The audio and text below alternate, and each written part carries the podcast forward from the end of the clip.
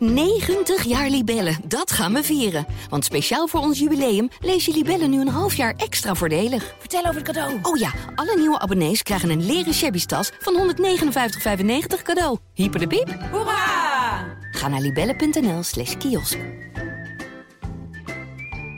Dat je dan eigenlijk gewoon verslaafd was, toch? Mm, misschien wel. Je zei, ik ben niet verslaafd, want ik kan altijd nog shorts kijken. Ja, precies. Ik ben niet ga ik wel verslaafd. wat- Ga ik wel wat anders doen. Ik ben niet verslaafd aan whisky, ik kan altijd nog vodka drinken. precies.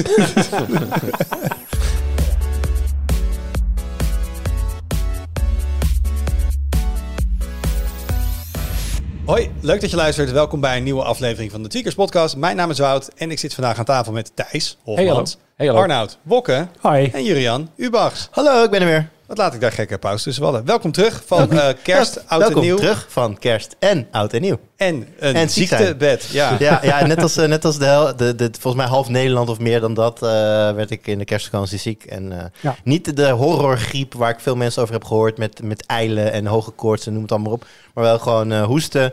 Eh, als je heel veel mazzel hebt, dan krijg je daar in deze podcast nog wel iets van mee misschien. Of Arnoud edit het eruit. Maar als je alleen maar aan het blaffen bent, dan Nou, is mee- keelpijn, hoofdpijn zit er ook allemaal wel bij. Maar gelukkig niet, eh, niet eh, rillend op de bank of onder de dekens. Dat dan niet. Maar vooral het bleef heel lang hangen. En nog steeds wel dat ik af en toe eh, wakker word met een onverklaarbare hoofdpijn. Ik doe aan dry January. Dus voor je denkt, eh, nee, dat is het niet. Eh, maar ja, goed. Het, eh, het is wat het is. Het slijt gelukkig langzaam. Het gaat de goede kant op. En hoestend en met keelpijn podcasten is niet, eh, Nee, nee. niet heel handig. Desnoods zal ik mijn vingers wel helemaal eh pimpelpaars knippen om alle hoestbuien eruit te halen. Hoor. Ik eh, doe heel erg mijn best om niet te hoesten. Arnoud knipt nog met zijn vingers. Zeker. Dus jij doet dit? En dan gaat Adobe Audition iets doen of zo? Jij knipt Ja? met je vingers? Oké. Oh, dat zou ik moeten kunnen. Een soort, eh, een soort gebarenbesturing. Zo. Ja. Nee, dan zet doet hij dit. knipje. En alles staat stil. klap, dat is klap, wel en dan gaan de lampen uit en dan weer aan. Ehm, wij gaan het hebben. Het, het is bijna een Duits woord dit. Nou, misschien dat ze het nog langer kunnen maken in het Duits. Maar algoritme toezichthouder. Het, ziet er op papier wel heel erg eh, mooi uit. Maar in ieder geval, die hebben we. Ehm, en die ging deze week van start. De toezichthouder op de algoritmes. Want, want algoritmes. En die worden gebruikt. En dat moet zo goed, eh, goed gebeuren. Dat gebeurde in eh, Den Haag. Dat van start gaan met een speciaal evenement. En Thijs was daarbij. Dus daar gaan we zo meteen over hebben. Dat Thijs daar uitgebreid met mensen over heeft kunnen praten. Een hele Eh, zeven minuten. Nou, nu, nu spoil je hem al inderdaad. Al Ehm, algoritmos supervisor. algoritme supervisor. Algoritmos supervisor.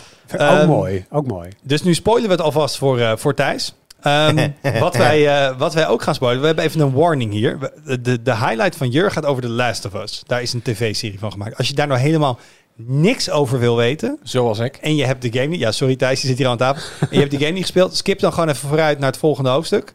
Ehm, we gaan denk ik niet enorm vol... detail- Alles. Ik Als- vertel alles wat er gaat gebeuren. Nee, natuurlijk Als je niet. de game hebt gespeeld, kun je dit heel veilig luisteren. Eh, dan denk ik dat... Oh, nou, Nee? ik, laat ik het zo zeggen. Als je, als je die serie wil gaan kijken en je wil vooraf er niks over weten, skip even naar het volgende hoofdstuk. Punt. Jur, wat is je highlight? Heel Nou, dit, dit, dit komt eh, vreselijk uit de lucht vallen natuurlijk. Maar The Last of Us heeft inderdaad... eh, nou, we wisten natuurlijk al lang, HBO is bezig met eh, een serie eh, rond The Last of Us. Neil Druckmann, de geestelijk vader van de game, die was daar heel nauw bij betrokken ook. En, ja, hij is eh, co- co-writer. co-writer, producer, whatever. Samen eh, met die vent, beste naam even kwijt. De andere man die heeft Chernobyl, de miniseries, gemaakt. Ja, nou ja, goed. Eh, Er zit redelijk wat achter. eh, budgettechnisch ook wel. Het is eh ja, een hoogwaardige serie. eh, lang verwacht en nu dan eindelijk gekomen. Eh, episode 1. Het is, een, het is gewoon zoals, zoals vroeger. Dus eh, HBO is sowieso niet van het bintje. Maar gewoon wekelijks een, eh, een release op maandag. En eh, de eerste staat online. Eh, een uur en twintig minuten. Dus ga er wel even rustig voor Ik, zitten. ik zat ook na een uur... dacht ik even, zit ik nou een film te kijken of een serie? Toen even pauze. Oh, nog 20 minuten. Oké, het is, een- het is een lange, een lange openingsapp. Maar eh, het, het, ja, het duurt even. Ja, en eh, nou, hoofdrollen voor de volledigheid natuurlijk eh, Pedro Pascal, oftewel de Mandalorian en de, en de Viper en wat hij al niet meer gedaan heeft. De man van Narcos. En, eh, en de man van Narcos en Bella Ramsey, die je kunt kennen uit Game of Thrones. Weet, weet, weet iemand nog haar naam daarin, wat ze daar speelde? Yes, zoals dat heet, die hele jonge... Mormont, Lady Mormont. Lady Mormont, kijk. Kijk. we hebben een kijk. Lady Mormont uit, eh, uit eh, Game of Thrones. Die spelen de, de hoofdrollen als Joel en Ellie. En ehm, nou ja, ik... groot fan gaat wat ver, maar ik, The Last of Us staat voor mij wel in een rijtje... Een select groepje games die heel erg veel indruk hebben gemaakt. Zowel deel 1 als deel 2. Ik zou mezelf, ik, ik, ik ben groot, ik denk serieus, een van de Het staat in mijn top 10 beste games ooit, denk ik. Het is een, het is een game waarin ik de eh, manier van eh, verhalen vertellen. Dus ik heb volgens mij twee ook. Was eigenlijk dat je de hoofdgedachte van mijn review. eh, deze game tilt storytelling in gaming naar een hoger plan. Tegelijkertijd, als je heel gaat kijken naar gameplay. Wat is een game? En eh, dat kun je natuurlijk een hele andere discussie. Maar de handelingen die je moet doen, en zeker in het eerste deel. ehm, ik heb hem wel eens omschreven als ladderverplaatssimulator. En, en, en laadjes open doen simulator. Een laadjes openen simulator en heel stilletjes langs monsters kruipen simulator. Hebben Nee, ze maar deel 2 overigens wel echt veel verbeterd. Ja, ja, nee, Dat zeker. Maar echt, eh, deel 1 eh, natuurlijk in eerste instantie. Dus qua puur, echt puur gewoon qua game, van wat zoek je in een game? Nou, ik kan me voorstellen dat er ook mensen zijn die zeggen van ja, ik heb er weer niks mee. Dit is niet wat een game voor mij moet doen. Ehm, dat alles gezegd hebben, het verhaal was fantastisch. Dus het verhaal van deel 2 was fantastisch. Dus ga je heel erg uitkijken naar de serie. Ja, en daar zijn best wel wat mitsen en maren bij te plaatsen. Want laat ik vooropstellen, ik heb hem gezien. Vond hem super tof. Heb me goed vermaakt. Ik heb hem ook gezien. Super tof. High production value. En eh, mocht je nou, ik zeg het nog één keer, mocht je nou gaan kijken en echt niks over. hè, we gaan niet, we gaan niet het, het verhaal uit de doeken doen, maar we gaan wel bepaalde dingen zeggen dat je toch iets meer weet dan je misschien wil. Laatste kans om te skippen naar het volgende hoofdstuk. La la la la la. La la la. Ze, vol- ze volgen heel erg trouw het verhaal van de eerste game. En zo trouw zelfs dat je, als je de game niet al te lang geleden hebt gespeeld of gewoon een goed geheugen hebt, shots kunt herkennen uit de eerste game. Zeker, we, dit is natuurlijk een beetje nog de openingsfase.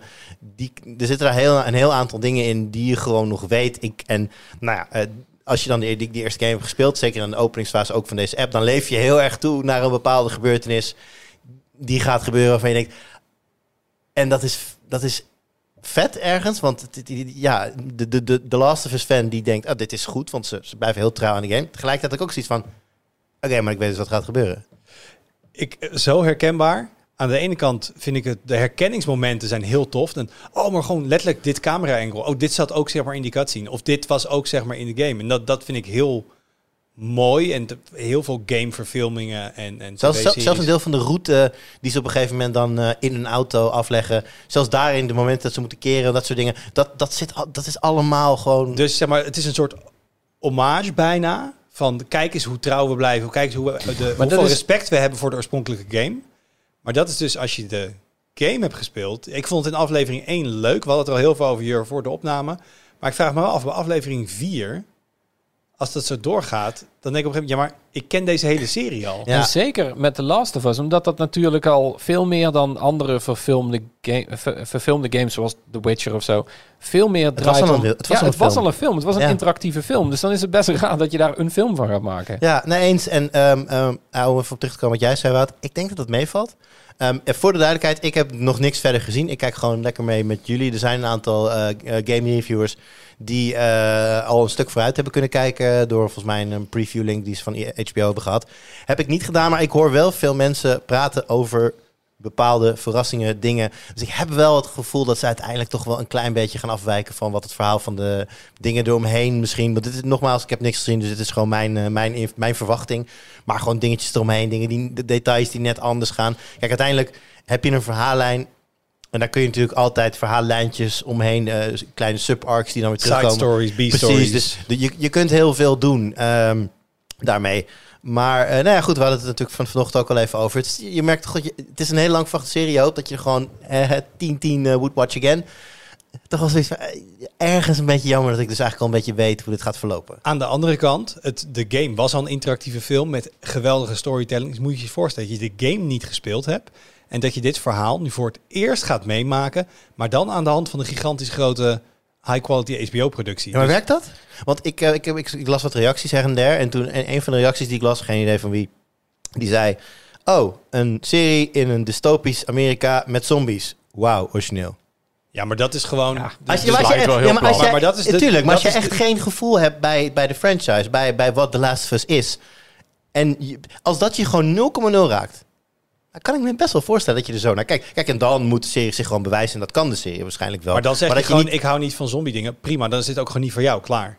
ja, maar misschien maar- als je bijvoorbeeld ehm, eh, Walking Dead eh, van A tot Z hebt, ge- hebt gezien, en niet per se zin hebt in weer een serie waar mensen worden opgejaagd Ja, door maar- zombies. Zelfs, zelfs binnen het genre van post-apocalyptische zombieverhalen is The Last of Us nog steeds gewoon steek daar boven, bo- met zijn kop boven het maaiveld. Ja, maar dat weet jij.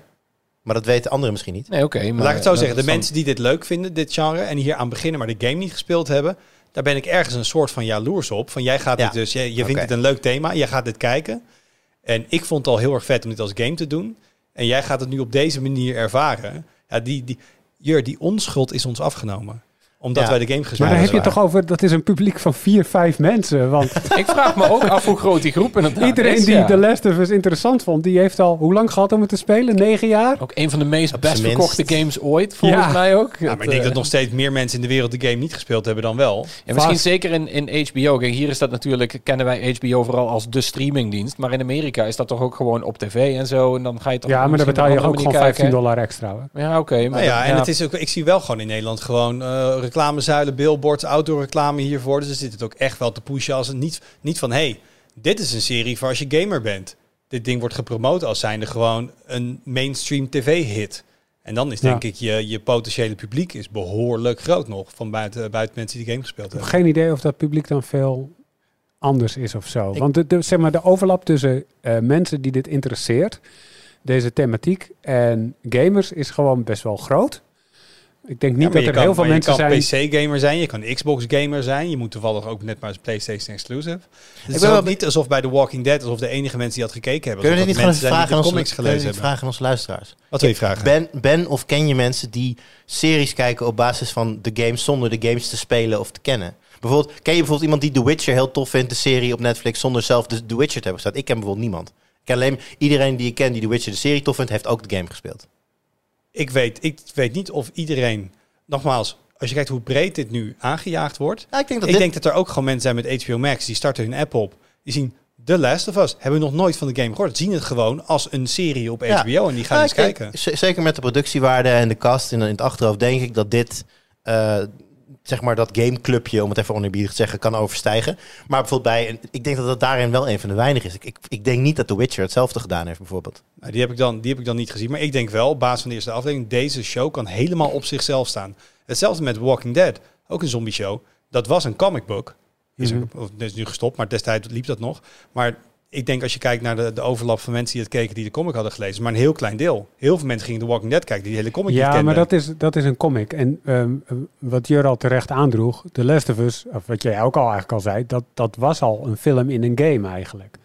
Dus ja, ik weet niet. Die, die overlap voelt gewoon heel erg groot. En ik, Ga het kijken? nee, de thematiek speelt me spreekt me totaal niet aan. Dus jij hebt ook geen Walking Dead gekeken? Ik heb ook geen Walking Dead Ja, nou gekeken. ja, dan- dat is gewoon niet Nou ja, dat is, dat is het dan weer bij mij wel. Ik kijk ook geen zombie dingen, maar deze wel, want het is The Last of Us. Ja. Maar ja, jij hebt het gespeeld. Ja. Ja, we gaan het vanzelf merken als na seizoen 1 geen tweede seizoen komt. Dan weten ze dat het niet goed bekeken is. Maar dit, ik, ik, ik schat die kans niet zo hoog. Ik denk dat het dit wel, dat dit wel aanslaat. Ja, en ik heb het idee dat die streamingdiensten kunnen tegenwoordig ook echt gewoon kiezen. Deze show wordt een hit. Als je bijvoorbeeld Netflix opent, dan krijg je altijd die lijst met dit is de top 10 in Nederland. En ik geloof gewoon, heel cynisch, niet altijd dat dat klopt. Zij zetten gewoon het Ja. shit die zij willen pushen, zetten ze op 1, 2 en 3. En je hebt gewoon, en je hebt zelfs in Netflix die optie van verras me maar, geef me maar wat. Dus zij hebben heel erg veel macht, die streamingdiensten. Wat leuk dat je daarover begint. Ik heb dat toevallig gisteravond in mijn neus aan tafel echt heel, heel erg op zitten ranten op die knop. Mijn Ik heb stelling ook- was, ik- alleen psychopaten gebruiken die knop. Ik heb hem ook echt nooit ingedrukt. Want ik heb al een soort van keuzestress met mijn tijd. Van ga, wat ga ik doen als ik twee uur schrijf? En dan ga ik Netflix voor mij laten bepalen wat ik kijk. Nee, daar wil ik dan controle over hebben. Heer, heer. Ja, Ja. Dus ik denk wel, wat je zegt van wordt het een succes. Ik denk dat het ook... Het is best maakbaar met die streamingdiensten. Want sommige mensen Ja, maar gaan ook gewoon een beetje scrollen door de homepage. Oh, dit ziet er wel oké uit. Het kaleidoscoop werd erop gezet. En ineens stond het, het stond in de toplijst. Eerst. En daarna hoorde ik ineens allemaal mensen. Oh ja, kaleidoscoop moet je kijken. Dat is top. Dan denk je, ja, dat is gewoon gemaakt. Ik, ik kijk, kijk ook kaleidoscoop. En dat komt omdat die inderdaad naamafdelingen stond. Denk je, en dan ga je naar de, eh, de beschrijving kijken. En denk je, ah, de cast, ah, het zijn wel goede acteurs. Giancarlo Esposito. Nou, nou, Ja. Ik ga wel een afleveringetje kijken. Maar goed, we dwalen een beetje af van Maar je bedoelt dat van- ze, dat ze een investering willen terugverdienen, bedoel je? Ja, dat is echt Nee, maar dat, Nee, maar dat, dat, dat, je- dat dit... Vroeger kon je gewoon zeggen, we hangen billboards buitenop. En dan moeten mensen het zien. En dan moeten ze... Hopen gaan ze dan... Hopelijk gaan ze het kijken.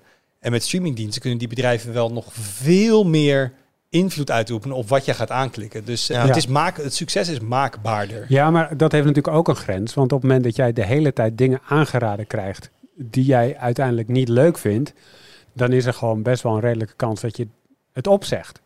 Nee, maar die algoritmes zijn slim genoeg van als jij het na vijf keer in je beeld zien nog niet aangeklikt hebt, dan krijg je waarschijnlijk weer wat anders gepusht. Mhm. en, Ja. Maar goed, het Last of Us dus elke maandag op, eh, op HBO Max. Oh, en die, één kleine laatste die ik nog even wil noemen. eh, Anna Torf zit er ook in en die ken je als Olivia uit Fringe. Fringe nog steeds een van de... In mijn Fringe? Fringe, ook een serie die op HBO te zien is. Vrij oud al inmiddels, maar in mijn optiek een van de beste series ooit gemaakt.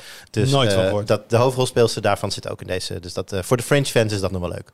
Oké, hoi hoofdstukskipper. Welkom bij het eh, deel van de podcast Welkom. dat, niet, eh, dat niet over het oh, laatste nog één ding over... Nee, grapje, grapje, grapje, grapje. We gaan niet verder. Welkom terug. Eh Thijs, wat is jouw highlight? Ja, beduidend minder leuk. Ehm, in België gaan ze een datakluis opzetten. En hebben jullie ooit gehoord van Solid, de standaard? Wacht, even terug. Wat is een datakluis? Ja, nou precies. Solid, Nou, daar is een dus. standaard voor. Dat is toch mijn Een noemt, datakluis? noemen ze ook een datakluis. Datakluis. Nou, zo zou je het kunnen noemen. Maar wat ze eigenlijk willen, is dat ze... eh, ze zijn daar een samenwerking aangegaan tussen Orange, die provider, en eh, wat ICT-bedrijven. En wat gaan ze daar nou doen? Dan gaan ze een soort ja, een centrale kluis opzetten... waarin jij dus al jouw overheidsdocumenten in kunt zetten... Ehm, zodat je die weer kunt geven, makkelijk aan bedrijven die daarbij aansluiten of aan andere overheden. Thijs, Thijs, Thijs, Thijs. Zit het op de blockchain? Zo klinkt het wel een beetje, maar eh, volgens mij niet. Maar dit is het hele punt een beetje. Van ik, ik heb hier onlangs een artikel over geschreven, omdat ik het las van, van hoe zit dat dan? En blijkt dus dat België daar ook nog eens een voorop loopt. Nou ja, ik zie, ik zie heel glazige blikken In hier. de ik had hier Europese datakluismarkt? Ja, precies. Nou, België wil daar dus heel graag in voorop lopen. maar in dit de klinkt, als, dit klinkt als de Belgische versie van NL Wallet. Eh, een beetje wel, ja. Oké. Maar daar, daar komt het wel op neer. Maar ehm, ze hadden als voorbeeld ook dat ze binnen een paar weken... dat je dan bijvoorbeeld bij Randstad, die, dat uitzendbureau... Dat, je, dat die dan een pilot gaan doen... dat je dan je diploma in die kluis kan zetten... en dan kan delen met Randstad. En dan Ja. weer met andere Oké, werkgevers. het is gewoon exact hetzelfde dus. Nou ja, Want dat is ook daarom- het hele idee van dat ik ook wel- NL Wallet. Ja, maar daarom ben ik ook wel benieuwd, want jij hebt, je hebt best veel verdiept in die NL-wallet. Zeker. Ik, ben wel, ik, ik ging dus een beetje op zoek hiernaar van hoe zit het nou met die datakluizen? Want onlangs ehm, heb ik het idee dat er best veel zijn gelanceerd. Eh, waaronder eentje van, van DPG Media, eh, onze broodheer. Die hebben dat samen met, eh, met de NPO gedaan volgens mij. Die beginnen ook een soort datakluis, dat noemen ze dan. Waarin je dan je eigen data weer kwijt kan. En dan kun je een soort account maken voor al die diensten.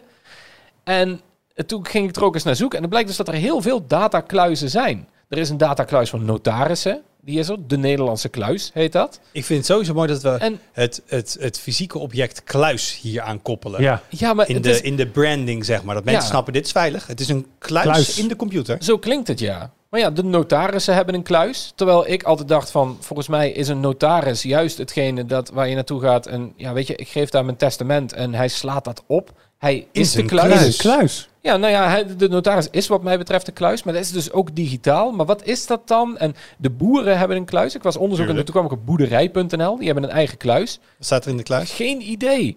Maar daar kom je dus elke keer niet achter. En dat vind ik dus Het fascinerend. is een kluis. Is dat iedereen dus bezig is met kluizen, datakluizen. En dat daar dus ook, en daar kwam ik dus achter ook, dat daar een, een standaard voor is. Die opgezet is door niemand minder dan Tim Berners-Lee. Hmm. Ehm, de, als- Meneer voor- WWW. Ja, Van het voor wereldwijde zover, web, ja. Voor zover webstandaarden gaan, toch wel een grote naam, zou ik zeggen. Een beetje de man die het bedacht heeft. Die, heeft dus een, een, die is nu dus bezig met een, een bedrijf, in, Intermetat of zo, of Inter of zoiets. En dat maakt dus een standaard. En dat is dus een standaard voor datakluizen. En ik heb het idee dus dat we daar het afgelopen jaren ook heel veel over hebben geschreven. Ik neem meteen wel tien keer serieuzer nu ik hoor dat Tim Berners-Lee zich er hier ook tegenaan Nou, precies. Dat, dit is precies de character arc waar ik ook heen, doorheen ging toen ik dit uitzocht. Eerst dacht ik, ah, belangrijk, hè, met een notaris zijn die boeren. En dan ineens DPG met de media dingen. Toen zag ik Tim Berners-Lee. Toen dacht ik, ja, vrek, dit is toch wel iets serieuzers. Maar in al die jaren dat ik hier al over heb gehoord... en zeker het afgelopen jaar dat ik er best extra over heb gehoord... heb ik nog nooit een concreet voorbeeld gezien van hoe dat er nou uitziet of zo. Het is iets heel ongrijpbaars. En ja, Wat is eh, er ongrijpelijk? Je hebt, ja, ik wil dit niet plat slaan, maar je mailbox is ook een soort datakluis. Zo met het idee van een kluis is dat er data in staat waar je bij kan door je te identificeren met een wachtwoord of je, je Ja, gezicht of je Wat vingerafdruk is of dat, dan kom ik er dus niet achter wat het verschil is tussen die webstandaard en, een, eh, en gewoon een cloud-opslag ergens. Nou, Dat misschien dus een waarschijnlijk gewoon het, het datamodel. Hoe wordt het opgeslagen? Wat wordt opgeslagen? Dat Ja. je meer een soort template gaat bouwen. Ehm, je datastructuur. Misschien dat dat er een onderdeel van uitmaakt. En je authenticatie. En ik denk... en wie zegt, eigenaar is van de data. En eh, als met NL Wallet dat je dus makkelijk kan delen of iemand toegang kan geven, dat daar ook een bepaalde authenticatielaag tussen zit. Als je dus mensen toegang wil geven tot iets in jouw kluis, dat dat via een standaard verloopt. Want ik zie het een beetje voor me. Als iemand iets in mijn Google Drive wil benaderen, kreeg ik een mailtje van: hey, deze persoon die vraagt access om. Is hij een editor? Is hij een viewer? Is hij een commenter? Dat kan me voorstellen dat je dat hier dus ook hebt. Dat jij een linkje met iemand deelt en dan iemand of tijdelijk toegang kan geven. Misschien verwijdert die toegang wel na een dag of iets, iets vergelijkbaars. Beperkte toegang. Ja, Ik vraag me dus heel erg af of dit nou een ding is wat, wat in de toekomst gaat doorbreken. Omdat we inderdaad al wel met die NL Wallet daarmee bezig zijn, soort van. Maar er is dus blijkbaar ook een soort ding dat dat commercieel probeert uit te buiten. En gaat dat dan met elkaar samenwerken of gaat elkaar dat in de weg zitten of zo? Nee, het idee van de NL Wallet naar. is expliciet ook wel dat bedrijven er gebruik van kunnen maken. Naast overheidsorganisaties. Het moet een soort van DigiD opvolgen. En waar DigiD al wat informatie bevat om je te identificeren, kan het met NL Wallet nog veel meer. Dus als je, ja, ik vind het zo'n stom voorbeeld, maar het is wel het voorbeeld wat ze telkens noemen. Als je solliciteert en je zegt, ah, ik heb een HBO-diploma, dan kan je bewijzen dat je een HBO-diploma hebt, want dat diploma ligt in je datakluis. Ja. Ik, ik doe even air quotes, dat, dat hoor je niet, maar ik doe het echt. Ehm, en dan kun je dus dat eruit halen en laten zien. Zo van, ik heb inderdaad een hbo-diploma. En omdat dat van de Nederlandse overheid is, is het idee, vertrouwen bedrijven dat. Ja. En is dat niet... en maar maar- dat, die- dat is niet zomaar een pdf die je uploadt. Maar dan heb jij het geverifieerde object diploma in jouw NL-wallet zitten. Ja. Waar ze maar een soort eh, regels aan vasthangen. En Ja. dan is geverifieerd dat dat een echt diploma is. Maar Ja. dit klinkt dan ook weer precies als Irma. Wat Irma nou Ja. ook al doet. ja, toch? ja. Daar, is, daar, daar ligt het ook wel dichtbij. Dus Thijs kijkt heel verbaasd. Thijs, ja, het komt wel eens voor dat vanuit verschillende hoeken ongeveer aan hetzelfde ding gewerkt worden. Nee, dat, tuurlijk, dat snap ik. Maar ik vind het gewoon opvallend dat hier, al, dat hier al heel lang aan gewerkt wordt, naar mijn idee. Dat het niet iets is van het afgelopen jaar en dat er nu een sprint wordt gemaakt. Ik heb het idee dat dit al, al, al, al zeker vijf jaar speelt of zo. Dat er heel veel aan gewerkt wordt. En dat er maar geen concrete voorbeelden uitkomen. Van, van, die, van, die, van die gare plannen zoals dit ook weer. Ja. Want het is niet Maar echt- wat vind je? Want ik bedoel, mijn gevoel zegt het, eng, want data geven aan anderen is altijd een beetje eng. Maar mijn verstand zegt, ja, dit is eigenlijk best wel praktisch en handig. Ik, Wat denk jij erover? Ik denk juist dat dat. Ik, ik, toen ik het las, dacht ik eigenlijk van ja, waarom hebben we dit eigenlijk nog niet? Want die diploma, dat diploma, dat moet ik toch wel gaan delen met andere organisaties, met mijn werkgever en weet ik veel wat. Ehm, Heb ik ooit jouw diploma gezien? en dat hoop ik niet, want anders hebben wij, een heel moeilijk gesprek gaan houden. Eh, nee, ehm, maar weet je, of, of ook als je het hebt over. ehm, ik, vind, ik vind bij Irma altijd wel een goed voorbeeld van dat identificatiebewijs als je de slijterij binnenloopt. Hè? Ken je Ja, dat? Dat is ja. dan inderdaad van. Irma kan dan verifiëren dat je 18, eh, 18 plus bent en Ja. that's it. Niet meer dan dat. Nou ja, kijk. Dan heb ik het liever dat dan dat, het, eh, eh, dan dat ik naar een slijterij moet en mijn paspoort moet gaan zwaaien. En dat ze dan overnemen wanneer je bent Dat- geboren. Dat, dat- doen ze dan soms ook. Want En- dat Ja. vind ik wel interessant. Als, je, ehm, als er toch al een object in je kluis is die geverifieerd is. Want dat, ik wil niet bij het inchecken bij een hotel mijn paspoortgegevens afgeven. Of inderdaad bij, ehm, nou, eh, Bij de slijterij je Of bij een geboortedatum. sollicitatie ehm, mijn hele opleidingscertificaat. Zij moet alleen een check kunnen doen. Heeft deze persoon de HBO-opleiding X gevolgd? En er moet uit dat systeem gaan komen. Ja, ja, nou, precies. en dan geloof je het. Of dus inderdaad, is deze persoon 18 plus? Ja. En dat is maar een beetje mijn vraag. Als zo'n kluis een gestandardiseerde versie van Dropbox is, waarbij ik iemand een linkje kan sturen en hij kan een plaatje bekijken, ja, daar schieten we met z'n allen niet zo heel erg veel mee op. Maar als je ergens het kan stallen en dan kan laten verifiëren dat dat echt is, is dat X of Y? Inderdaad, en iemand ja. kan gewoon verifiëren of iets klopt, dan hoef je heel weinig informatie te delen. Met Ja. Je hebt natuurlijk, want nu zijn we appjes aan het maken dat je je paspoort inscant, die dan een overlay eroverheen doet, dat die alle gevoelige informatie eruit blokt, zodat je het dan weer kan uitprinten en bij een hotel bij je check-in kan geven. Ja. Ja, hallo. Ja, Nou, dus dat dat om- wordt dan dus een QR-code die ze kunnen scannen vanaf je scherm en dan... eh, Man, Ja, maar dan de is big, jouw- big QR-code is lekker bezig de laatste jaren. Echt, dat ding hè? is helemaal terug. Als we het ook weer hiervoor gaan gebruiken. Dat is wel waar, ja. Maar jouw vraag inderdaad van vind je dat eng? Ja, aan de ene kant wel, want je, vertrouw, je moet toch wel één partij heel erg vertrouwen daarmee. Ja. Dat klopt. Maar van de andere kant, eh, een andere partij eh, vertrouw ik minder. Ik vertrouw Ja. een hotel minder dat hij mijn paspoortkopie niet kwijtraakt. precies. En ik moet dat paspoort toch weggeven. Ik kan, kan wel heel principieel gaan zeggen, dat doe ik niet. Maar ja. moet toch gebeuren. ja, inderdaad. Dus ja, ik, ik, ik hoop dat zo'n standaard zoals dit misschien nog eens ergens toe kan leiden of zo. Maar ik vind het gewoon opvallend dat dat tot nu toe nog niet echt lijkt te zijn gebeurd. En ik hoop vooral dat het een standaard wordt. ja, dat we dat, niet en met dat er niet allemaal van die doen. verschillende dingen door elkaar Ja. gaan lopen. Maar dat is ook nu. een Europese vereiste, dat het samen kan werken. Want dit moet in alle landen er komen. En dan moet het ook kunnen samenwerken. Zoals het zeg maar ongeveer ook bij CoronaCheck en andere eh corona-verificatie. Nou, we zouden nog gewoon even de hele wereld erbij trekken.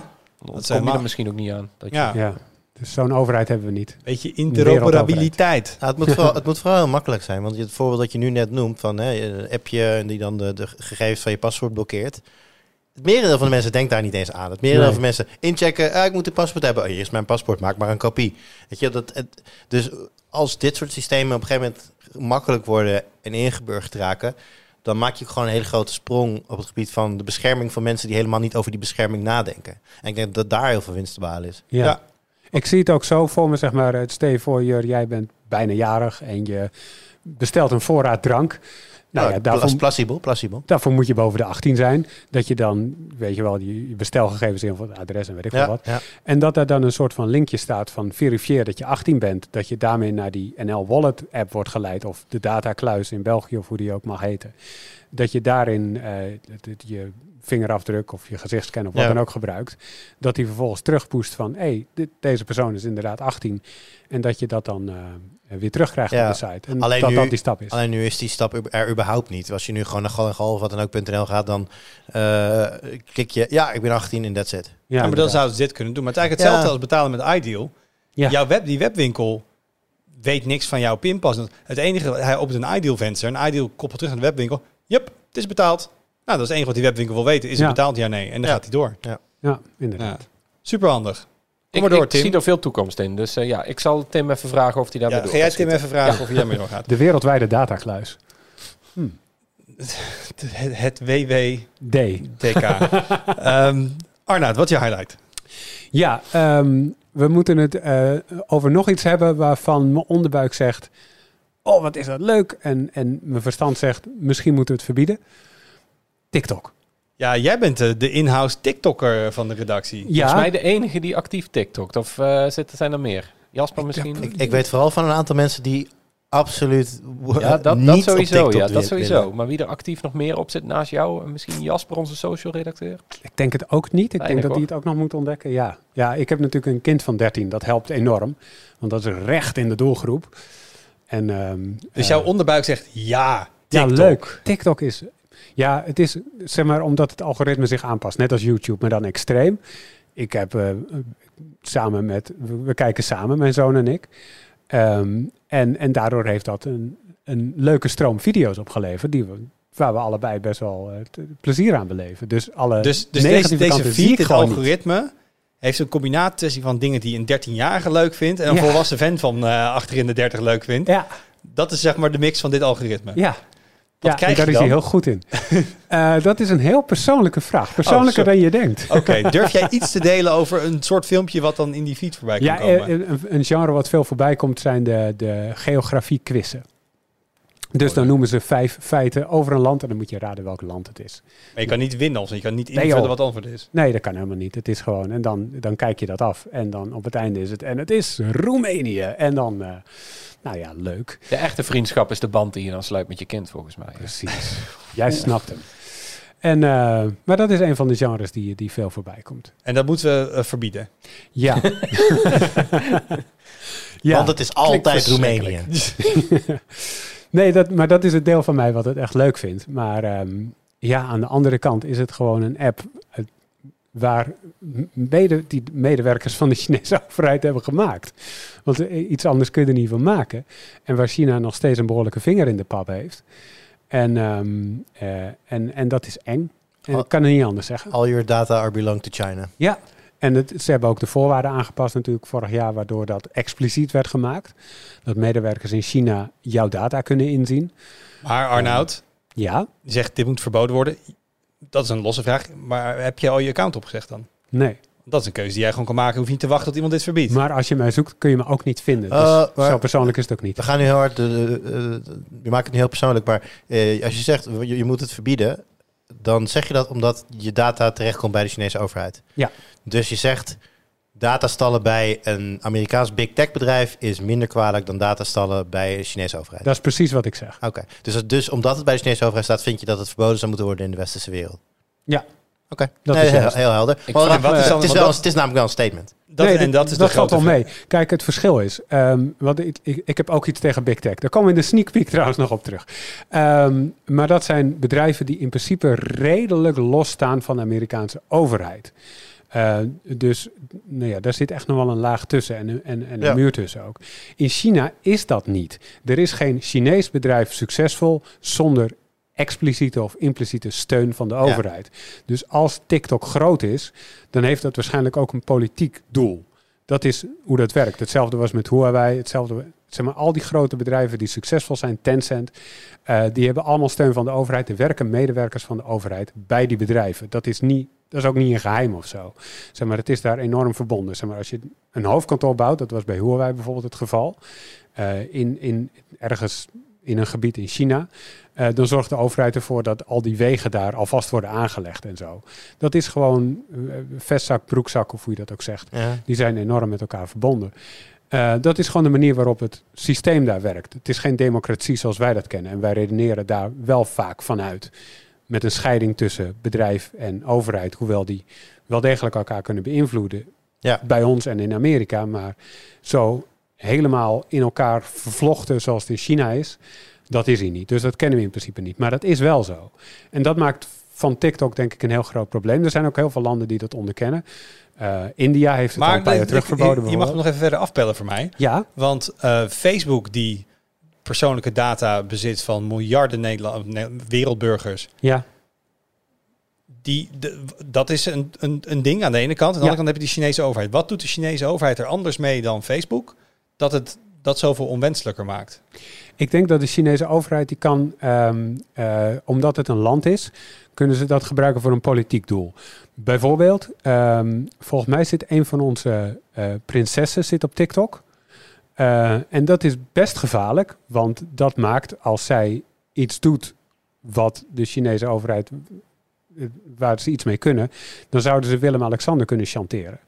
En, en dat maakt het heel kwetsbaar. Maar En dat geldt voor de familieleden van, van, van, van heel veel mensen binnen heb het bedrijfsleven of de overheid. Maar dat is toch dezelfde reden dat je hoopt dat die prinses eh, of dat Willem-Alexander dat die een telefoon heeft die heel goed gemonitord wordt en beveiligd wordt, zodat bepaalde informatie daar wel en niet uit kan. Zeker. Ik, ik, ik, het is altijd. Ik heb altijd geleerd in, in dat soort privacy-vraagstukken moet je eigenlijk nooit afvragen waar ben je dan bang voor. Want dat is een flauwe vraag. Dat is ook aan Ja. iedereen heel persoonlijk. maar, ik probeer dit wel af- expliciet te maken, zodat ja, je maar wel... je maakt het nu heel eh, expliciet voor één individueel persoon Nou, ik met een kan- heel hoog threat model. ik kan het en ook niet wel. voor jou, Arnoud Bokken. Wat Maar ik kan het ook wel voor ons doen. Ja. Ehm, eh, een goed voorbeeld is, als je nu een, een, een eh, journalistenvisum nodig hebt voor Amerika, dan moet je daar ook in, invullen op welke social media je allemaal zit en welke handle je hebt. Waarom? Omdat ze dat gaan bekijken. Nou, dat is, dan is dat een uitzonderingssituatie, want ik, ik moet dat visum voor mijn werk hebben, dus ik ga daar doorheen. China heeft al die informatie van al die TikTokkers al. Ja. En op- stel dat, dat, dat jouw dataprofiel voldoet aan, een bepaald profiel waarvan zij weten, de kans is vrij groot dat dat iemand is die kritisch is op China, op, die wordt gezien als een dissident.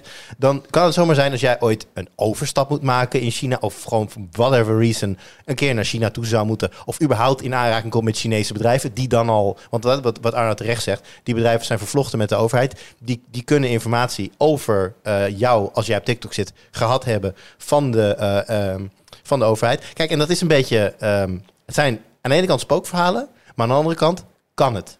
En dat, Ja. dat maakt het eng. En kijk, Facebook doet, eh, dat doet vast ook ongelooflijk evil data, maar gaan die brengen in ieder geval niet proactief. In ieder geval, daar ga ik dan even vanuit. Misschien is dat ook naïef, maar niet proactief eh, jouw data naar de overheid. Als de overheid die opvraagt, om, om, dan zullen ze het vast wel geven. Maar niet zo automatisch zoals dat nu bij TikTok en de, en de, en de Chinese overheid is. Het, soms ik voel met jullie mee, Mhm. maar ik vind voor mezelf dat gevoel niet goed genoeg. Ik heb zoiets van, ja, oeh, China, eng, oeh, overheid. En dan ga ik over nadenken, maar wat, wat, klopt dat gevoel? Of is het meer gewoon een soort onderbuikgevoel en kan ik het niet? En als ik er langer over nadenk, denk ik wel, ja, je kan scenario's bedenken. Zoals je net zegt, ja, en dan bijvoorbeeld je hebt daar een overstap of je hebt eh, kritische dingen gezegd over China. Maar dan kijk ik weer een beetje naar wat Thijs zegt. Ja, maar dat is wel zo far-fetched voor het overgrote deel van die gebruikers. Dus ik wil me ook niet door angst laten leiden. Dat bedoel ik meer. Nou, maar Ik dat, denk- dat is ook niet de reden dat ik niet op TikTok zit. De reden dat ik niet op TikTok zit is ik heb al genoeg dingen waar ik heel veel tijd aan kwijt ben op mijn telefoon. Nee, maar het ging bij Arnoud ging Maar- het om de, de, het gevoel Ja, versus maar het, het- het het- hart, zeg maar, versus de, de gedachte van het moet eigenlijk verboden worden, wat ik best ver vind gaan. Ik denk dat er een andere goede reden is om het te verbieden. En dat is gewoon de beïnvloeding. Ik Mhm. denk dat dat een veel belangrijker is. Dat Vertel. als China, als China bepaalt van, nou, vanaf nu gaan we eens eventjes flink Ja. eh, politiek stoken. Nou, Ja. gooi er maar wat filmpjes tussendoor. Toch, tu- tussen dat algoritme, zodat al die 13-jarigen ineens denken... ja, de politiek vertrouw ik helemaal niet. En dan gaan ze lekker allemaal Ja, maar dat punt kun je maken stemmen. bij elk social media. Want eh, wat, wat eh, niet, eens, niet Ja. eens misschien aangestuurd door een evil mastermind. Maar wat social media algoritmes sowieso wel doen, is jou, jou bedienen van confirmation Ja, bias. maar de Oh, Chinese jongens, ik heb overheid... bijna een bruggetje naar het hoofdonderwerp, maar we moeten nog dit even de afmaken. Chinese overheid heeft Je hebt nog een highlight, denk ik. Ook nog, ja. de, als de Chinese overheid daadwerkelijk zoveel invloed heeft direct op, eh, op Facebook, dan is het voor die overheid, ook voor dat regime, heel makkelijk om die Ja. beïnvloeding te doen. En er is gewoon een duidelijk voordeel voor beïnvloeding Ja. door China. Dat, ik weet niet, dat gebeurt nu ook En al. die- dat, ik kan wel een paar voorbeelden Dus- noemen. Bijvoorbeeld de, de opstand in 1989 van studenten die Oh China ja. knijterhard heeft neergeslagen. Als je het daarover hebt op TikTok, dan werd dat weggemodereerd. Wat er ook wordt weggemodereerd, en dat komt door het eh, schoonheidsideaal, wat specifiek in, in dat deel van de wereld eh, speelt. Als jij veel puistjes hebt, dan zul je nooit viraal gaan op TikTok. Nee, oké, maar dan gaat het over culturele dingen waar we voor moeten oppassen. Maar ik heb het er echt ja. over als de, als de overheid nou eens gewoon een lekker anti-overheidssentiment in Nederland gaat opstoken. Het is Zeker. vergelijkbaar met hoe Rusland dat in, in, Ja. eh, ook in Nederland probeert te doen.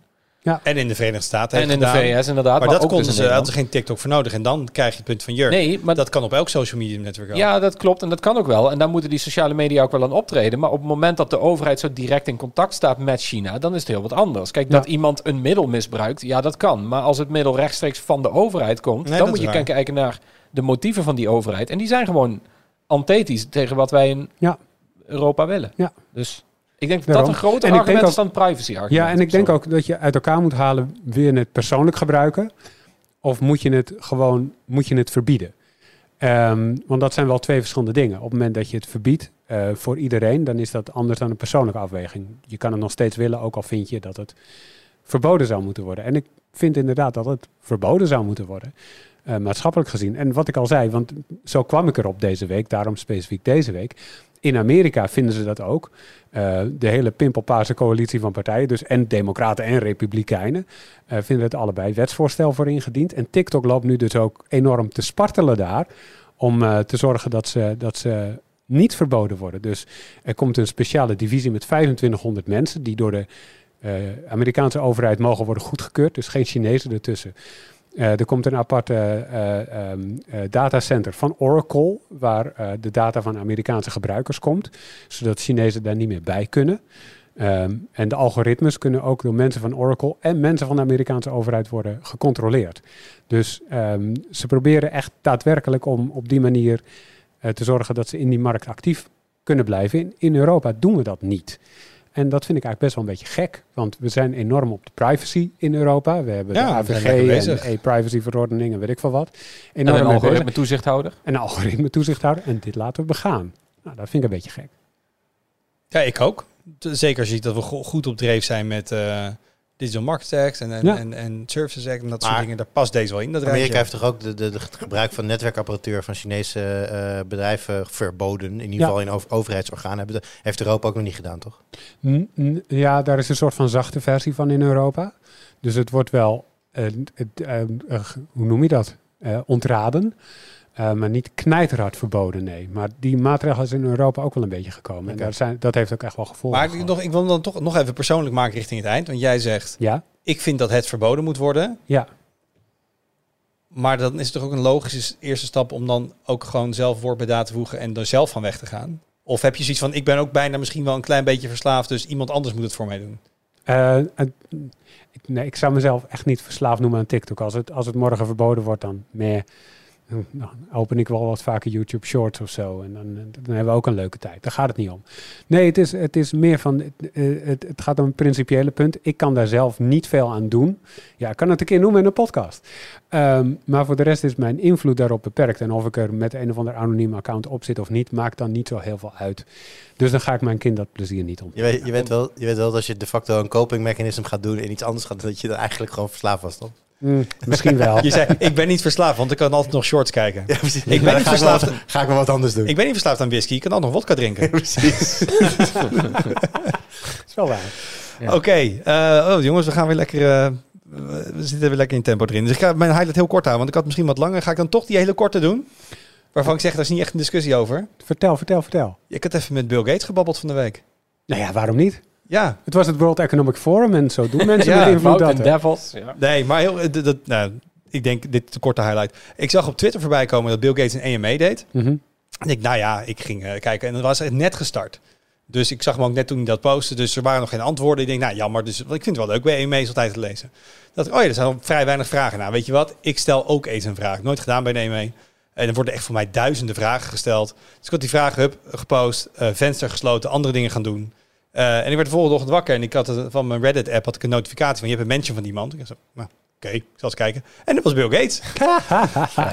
Leuk. Dus dat vond ik wel geinig. Dus ik had me gevraagd, eh, want hij is natuurlijk met allemaal druk met de wereld redden en dat soort dingen. Waarom En- update mijn Windows 10 PC zo vaak? Heb jij hem gevraagd? Eh, nee, ik heb hem gevraagd of hij gewoon nog wel zelf eens aan het nerden was. En gewoon lekker programmeren of dat soort dingen. Zo is hij ooit begonnen. En toen zei hij, ja, nou ja, dat hij nog wel af en toe voor zijn hobby een beetje programmeert. Maar dat hij bij Microsoft sinds 85 niks meer in de source code heeft eh, mogen bijdragen. Dus hij kan niet meer boos aan ze toe lopen en zeggen, ik doe het zelf wel als het hem te traag, te traag gaat allemaal. Dus ehm, dat was grappig toen ik wakker werd. En dacht, nou, ik heb een reactie van Bill Gates. Voelt toch, het is toch een soort persoon als je Ja. Het in onze toch- sector werkt. Six Degrees of Separation komt voor ons nu ook weer een stapje Ja, dichterbij. die Ja, komt natuurlijk ook weer een stapje dichter. Ik heb toch vaak in documentaires gezien, Ja, boeken ja. gelezen en dat soort dingen. Je zou hem gerust een levende legende kunnen noemen. Denk ik Een beetje wel, absoluut. Ja, ja, zeker. Van ieders favoriete bestuur. Je zit in Windows, toch Thijs? Ja.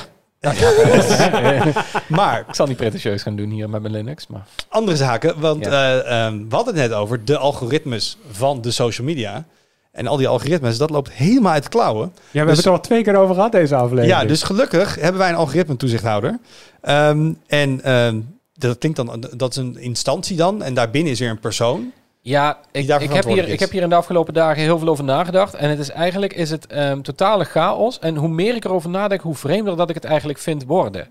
Dat is, eh, Vertel. nou, ik zal eerst even kort eh, uitleggen wat er gebeurd is in het regeerakkoord van kabinet Rutte 4. Dat is nu eh, ongeveer een jaar oud. Mhm. Ehm, daar stond in, wij gaan een algoritme-toezichthouder opzetten.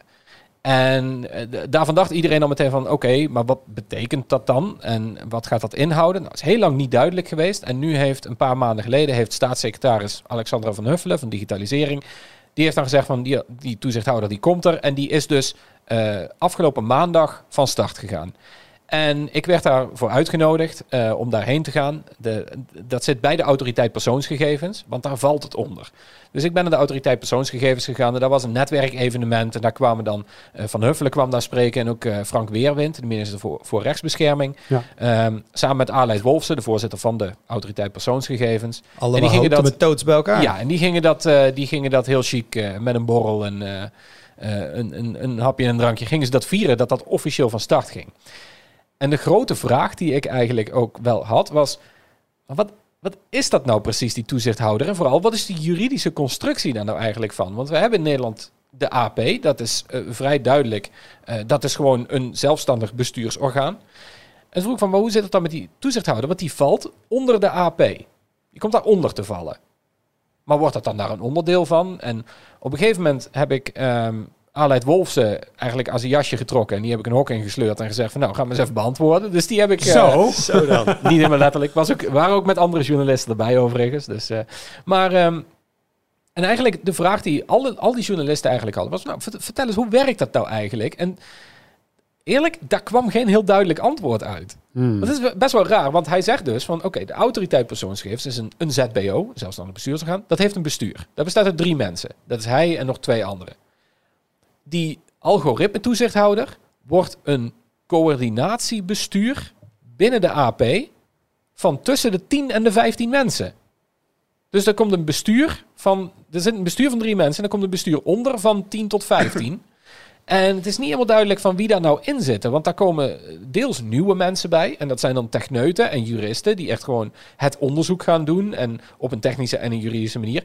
Maar ook mensen van binnen de AP, die hebben intern gesolliciteerd daarop. Maar het wordt ook niet helemaal duidelijk of de mensen die nou dat onderzoek gaan doen in die algoritmes. Of die nou ehm, ook nog onderzoek gaan doen voor de AP. Dus bijvoorbeeld naar weet ik veel, eh, de data bij de overheid of zo, Ja. datalekken, dat soort dingen. Dat wordt allemaal niet heel erg duidelijk. En dat is best wel vreemd. Ik heb nog een andere Dus, ja. vraag. Ja. Hebben zij een duidelijk, duidelijke definitie van algoritme? Nou, dit is inderdaad een hele goede vraag. Dankjewel. Eh, want wat is een algoritme? Kijk, technisch gezien, als je hem heel plat slaat, dan is een muisklik een algoritme. If klik is Wat? muis, dan... Ja, als, als een muisklik, dan doe dit. Dus gewoon elke if-else loop is toch gewoon... in principe zou je een algoritme als zodanig kunnen identificeren. Dus wat is dan een algoritme waar we naar ze gaan kijken? Nou, en daar komt ook weer eh, de chaos van die algoritme toezichthouder bij. Want die moet eigenlijk twee dingen doen. Die moet aan de ene kant gaan kijken naar algoritmes bij de overheid voor besluitvorming over burgers. Eh, maar aan de andere kant ook naar big tech algoritmes, zoals die van TikTok die we net noemden. Het zijn twee compleet verschillende dingen. Ja, nogal. Want dit, ehm, die toezichthouder, dat is een wens vanuit de Tweede Kamer en vanuit de regering. Er zijn alle regeringspartijen die wilden dat, die hadden dat volgens mij in hun eh, verkiezingsprogramma staan ook. Eh, GroenLinks en PvdA hadden dat ook. En er moest een algoritme toezichthouder komen. En dat wilden ze. ehm, omdat natuurlijk het vorige kabinet is gevallen op de toeslagenaffaire. En de fraude signaleringsvoorziening is het algoritme dat daaronder ten grondslag lag. Dat had daar een, een heel bepalende rol in. En er zijn de laatste jaren steeds meer verhalen gekomen over de overheid. Die gebruikt dan een algoritme om te bepalen of jij wel of geen toeslag krijgt. Of jij wel of niet een hypotheek mag krijgen of zo. En dat loopt uit de hand. Dus dat zijn algoritmes ehm, waarbij... Ja, ik heb, ik heb onlangs dus met Van Huffelen gesproken daarover. Dan heb ik er letterlijk die vraag gesteld van wat, wat zie jij nou als een algoritme? En toen zei ze dus inderdaad van nou dit, dit soort dingen. Dus waar een geautomatiseerde of semi-geautomatiseerde besluitvorming over een burger plaatsvindt. Nou ja, dat is vrij logisch. Gevoelsmatig weet je dan wel waar het over gaat. Maar de exacte definitie daarvan, ja, dat Maar is niet als, als dat hem is, hè, als je even Big Tech helemaal weglaat, dus er zijn, ehm dit kan zelfs een Excel-sheet zijn binnen de overheid van hey, dit is een lijst met burgers en op basis van deze waarden kleurt vakje groen of rood en we gaan de rode mensen gaan we eens even bellen, bijvoorbeeld. Daar komt het op neer, ja. Oké, daar, zijn er binnen de overheid, neem ik aan, honderden tot duizenden van plekken waar dat Ja. gebruikt wordt. Ja. Ehm, moet deze toezichthouder gaan aankloppen bij instanties? Laat maar al jouw algoritmes zien, dan gaan we even een audit doen. Of als er mensen klagen, dan gaan ze pas reageren. Ik bedoel, wie is hier zeg maar in de lead en wie bepaalt waar naar gekeken wordt? Ja, dus, dat is een goede vraag. Ehm, yes. dit, ja, je bent goed bezig, Wout. Goed Lekker bezig. bezig. Ehm, er zijn ook vragen waar niet echt een heel duidelijk antwoord op is. Want er is ehm, sinds december is er een algoritme register. Dat was eigenlijk de aftrap van die waakhond. En dat betekent dat er ergens op eh, algoritmes.overheid.nl of zoiets... daar staan dus allemaal algoritmes op. En op termijn moeten ze daar allemaal op komen. Dus van iedere gemeente, eh, de- iedere organisatie zoals eh, eh, het kadaster of zo... die moeten daar allemaal op komen te verschijnen. En die toezichthouder die moet dan gaan kijken naar...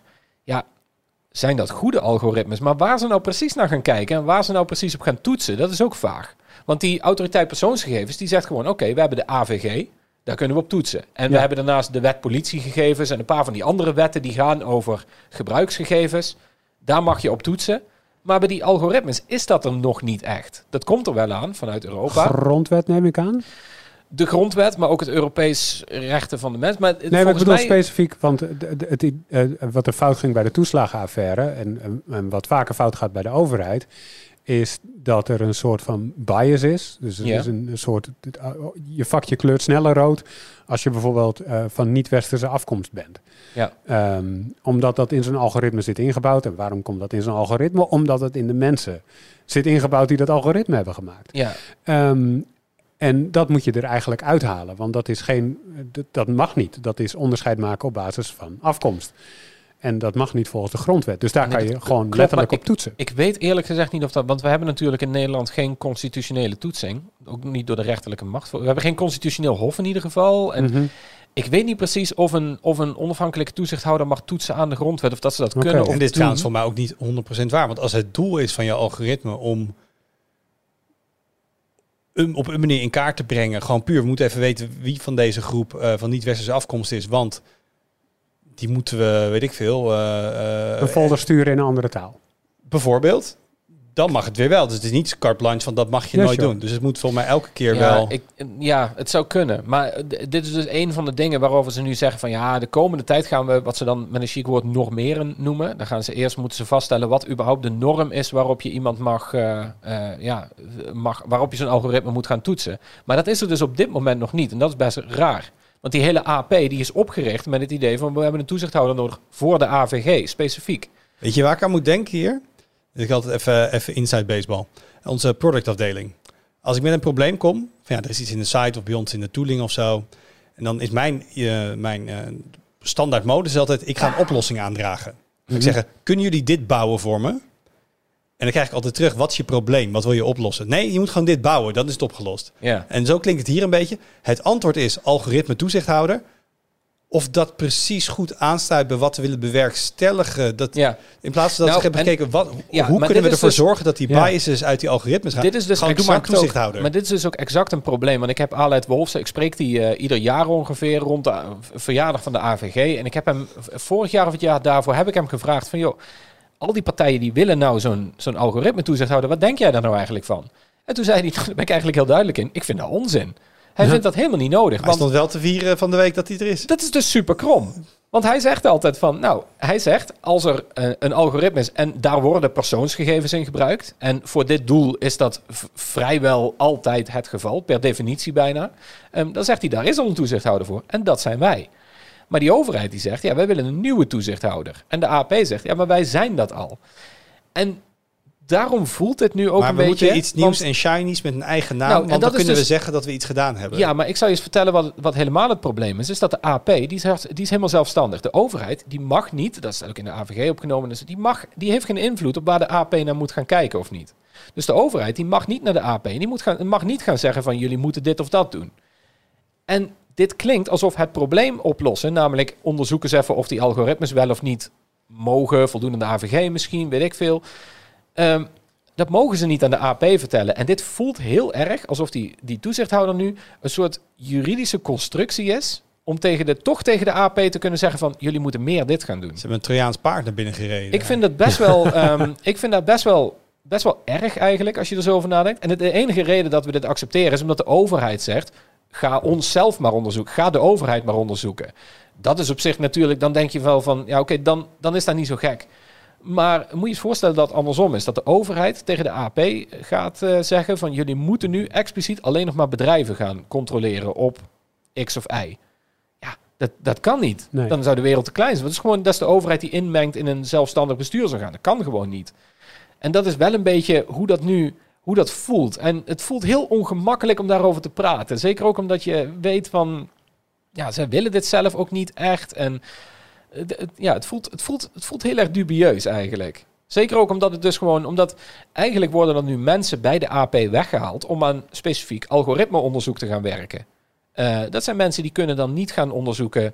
eh, of er overal wel een functionaris gegevensbescherming zit... of een datalek onderzoeken... of noem eens een van die honderdduizend andere dingen... waar de Mhm. AP te weinig mensen voor heeft. hey, eh, Thijs, Dus- heb jij een aluminium hoedje bij je?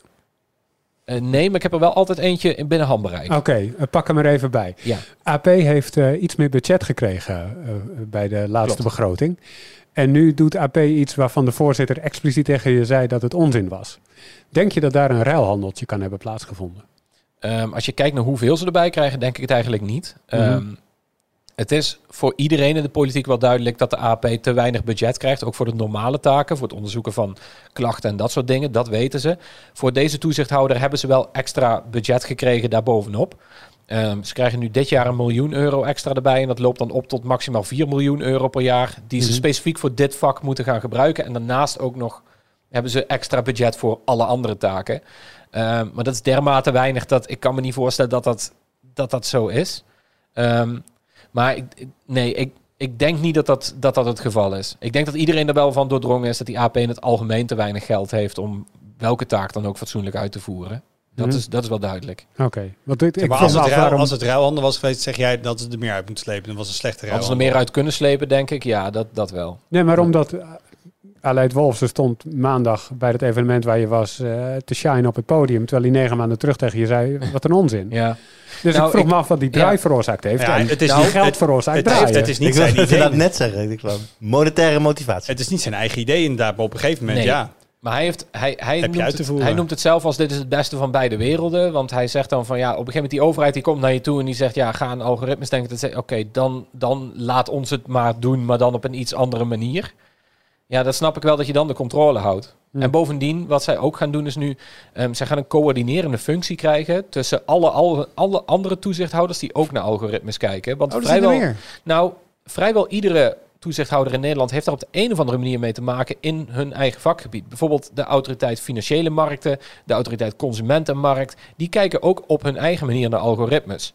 Soms met persoonsgegevens, niet altijd. Ehm, maar vaak wel. Maar bijvoorbeeld ook de Algemene Rekenkamer doet dat. Die gaat dan oh, oh, die gaat ineens overheidsalgoritmes controleren. Hebben ze een jaar geleden gedaan. Ja, uit zichzelf. Nou ja, dat is goed dat ze dat doen. Maar nu loopt dat ook allemaal door elkaar.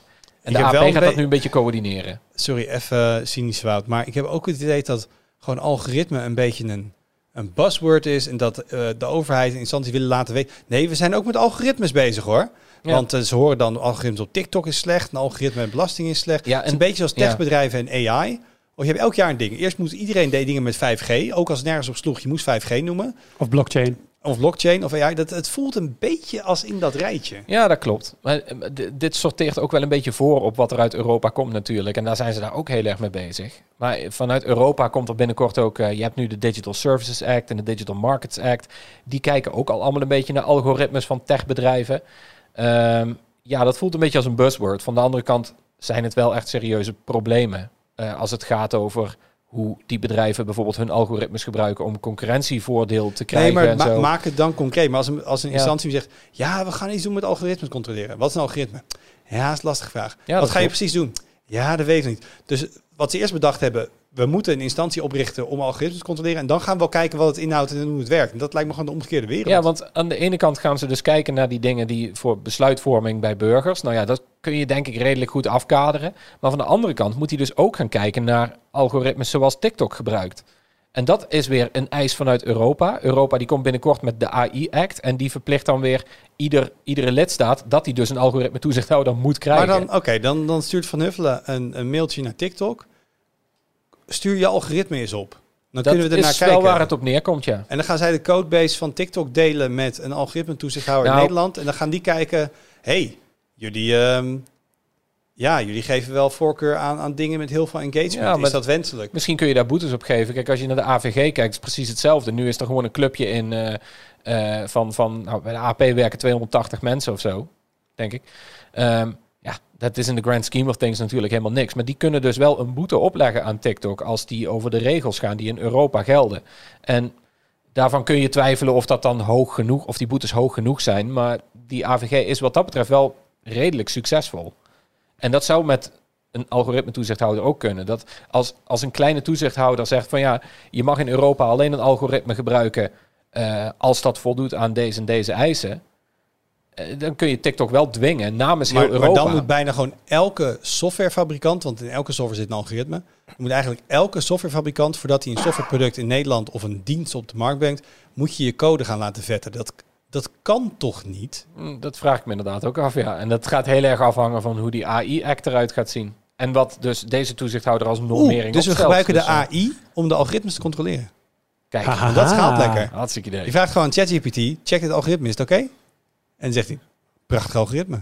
If algoritme is goed, dan prima. Ja, den duimpje omhoog. Eh, jij gaat dit gelukkig voor ons volgen, want ik vind Oh, het maar... een- ik had nog één, eh, één dingetje. Want jij geeft aan, Wout, dat dit een rare... eh, dat je, wat je net zegt, de toezichthouder is er, maar ze weten niet waar ze op moeten letten, ze weten niet wat ze gaan doen.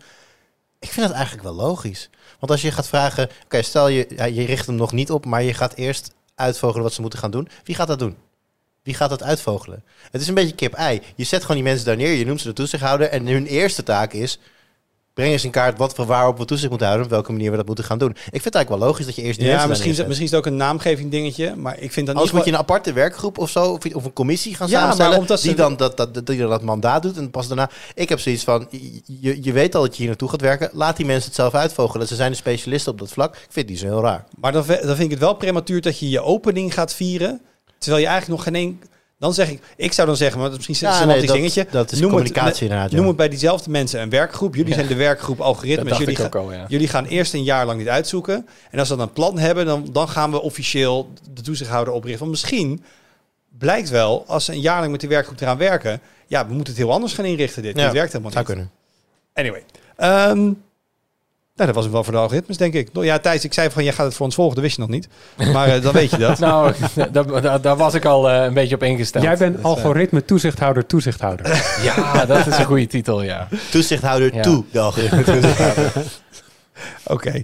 Eh Arnold, jij hint het er eventjes naar. Eh, sneak peek. Ja. Jij bent bezig met een verhaal over... Oh, dit, ja, dit- dit- Je bent de algoritmes zat. ja, nou zoiets. Eh, het, het gaat over weg van Big Tech. En dat rijmde in mijn hoofd beter dan dat het in het echt doet.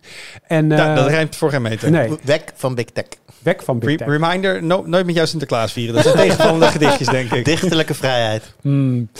Ehm, eh, maar eh, ja, dit wordt, dit wordt volgens mij een heel leuk verhaal. En mensen die de podcast luisteren, die zullen niet zoveel verrast zijn. Het, eh, het gaat over de, welke stap ik heb ondernomen om een beetje weg te gaan van de, van de grootste techbedrijven en, en vooral hun diensten natuurlijk. Zoals TikTok, ja. Ja, Dat- real. dat zou Big Tech moeten zijn, zou je denken. Maar de, de- de- in- Hoe, in hoe feite- bigger dan de Chinese overheid wil hebben in tech? Precies, maar het zijn vijf Amerikaanse bedrijven die eh, over het algemeen onder die definitie vallen. Ehm, Facebook, Google. Meta, Meta, Google. Apple, Amazon, Microsoft. Microsoft Niet Google? en Google. Ja. Ja, Ja. dan heb je ze alle vijf. Bingo. Ehm, en, eh, want ik merkte al, eigenlijk al een paar jaar geleden, zo van, hebben we weer. Maar mijn verstand zei van, dit zijn heel lekker werkende dingen. En ik kreeg er een beetje een iffy gevoel bij, bij die dataverzameling. En toen ging ik verhalen maken over dat mensen afgesloten werden van hun account. En, en toen dacht ik, wat als dat mij zou overkomen, heb ik daar stappen tegen ondernomen? Nou, eigenlijk niet echt. Eh, dus daar ben ik mee bezig gegaan. En een van de dingen die ik heb gedaan, en dit is misschien wel het allerleukste onderdeel. Ik heb een forum topic geopend vorige week. En gevraagd van, ik ben niet mee bezig. Deze stap heb ik al gezet. Ehm, wat voor dingen eh, raad je aan? Wat voor dingen zou, eh, heb jij gedaan? En wat zou je adviseren en waarom? Eh, en dat is een heel groot, heel leuk forum topic geworden. Eh, ik ga er ook uitgebreid naar linken, maar je kan het nu al zien in, eh, in een paar, op een paar plekken in het forum. Geachte redacties maar ook internetproviders en hosting en privacy en security. Er staat op meerdere plekken, dat topic. En daar hebben al meer dan eh 100 eh, mensen gereageerd op. eh, Met echt Ja, een hoop hoop hele leuke diensten die je kan gebruiken. Als je bijvoorbeeld zegt van, ik voel me niet zo fijn bij YouTube, maar ik wil wel YouTube-filmpjes kijken. Nou, daar zijn dus oplossingen voor. Maar ook heel veel dingen zelf hosten en hoe je dat dan zou moeten doen en waarom. En eh, waarom je wel of niet een eigen mailserver zou moeten hebben. Hele discussie over, hartstikke leuk. Komt ook allemaal terug in het artikel, maar dat, dat kun je nu dus al eh, in uitgebreide vorm lezen. En ja, dat Ja, dat ga ik niet doen. Ik ga het na jouw stuk lezen. heel Want dan goed. voelt het als een soort van spoilers. Ehm, dus ik ga eerst stuk lezen en dan ga ik me verder verdiepen in het topic, denk ik. Ja, maar dat wordt, eh, dat wordt heel leuk. Komt komende week. Oké, mag- ik zie verder nog, we hebben nog eh, collega Daan, denk ik. Ja, Daan die is eh, in gesprek gegaan met eh, wat ik, één of meerdere mensen van EA Motive. En die werken aan de remake van Dead Space. En ja, hij heeft met hen volgens mij gepraat onder andere over hun, hun maakproces, over de, de vernieuwing in Frostbite, al dat soort dingen. Dus die dat heeft hij van mij eind december al gedaan en dat, dat komt komende week online. Coolio, heb jij nog mooie dingen in de pijplijn zitten? Januari is wel een beetje rustig, hè? Januari, januari is rustig. De eerste, ik denk echt grote game die is te komen is Hogwarts Legacy, maar die staat pas voor half eh, februari. Eh, wel samen met Reinhard momenteel bezig om te kijken eh, of we leuk, op, een- leuke mooie manier in kaart kunnen brengen wat de, wat de, wat de next gen patch heeft veranderd in The Witcher. The Witcher 3 Wild Hunt. Eh, die ik in mijn kerstvakantie voor de lol alweer ben gaan herspelen, omdat hij er mooier uitzag. En ik dacht, ik wilde hem eigenlijk gewoon even bekijken. En voor ik het wist, was ik weer 30 uur verder. dus eh, nee, dus daar gaan, we, daar gaan we de komende tijd iets mee doen. En even beelden vergelijken, even kijken hoe die, hoe, die draait of hoe niet die draait op eh, de gangbare systemen die we hebben Ja, voor mij was het best zwaar. Ik heb hem toen ook, toen die patch uitkwam, meteen gedaan en geïnstalleerd. Want dit was dan mijn haakje dat ik toch echt een keer verder ging met The Witcher. Ja. Eh, ik heb toch zeker eh 10 minuten rondgelopen en omheen gekeken. Ja, Ja, dus. ja. Nou, we, zijn, we zijn er ook een beetje begonnen. Klein, klein tipje van de sluier. The Witcher was van zichzelf al best wel een mooie game. En die heeft de tand destijds best goed, Ja, eh, best ja, goed dus doorstaan dat, eh, inderdaad. Maar goed, daarover eh, later meer. Oké, cool. Dankjewel jongens. Dankjewel voor het luisteren. Heb je feedback, dan kun je altijd even een reactie onder de punt kiek achterlaten. Of ons mailen op podcast.wiekers.net. En je hoort ons weer volgende week. Doei!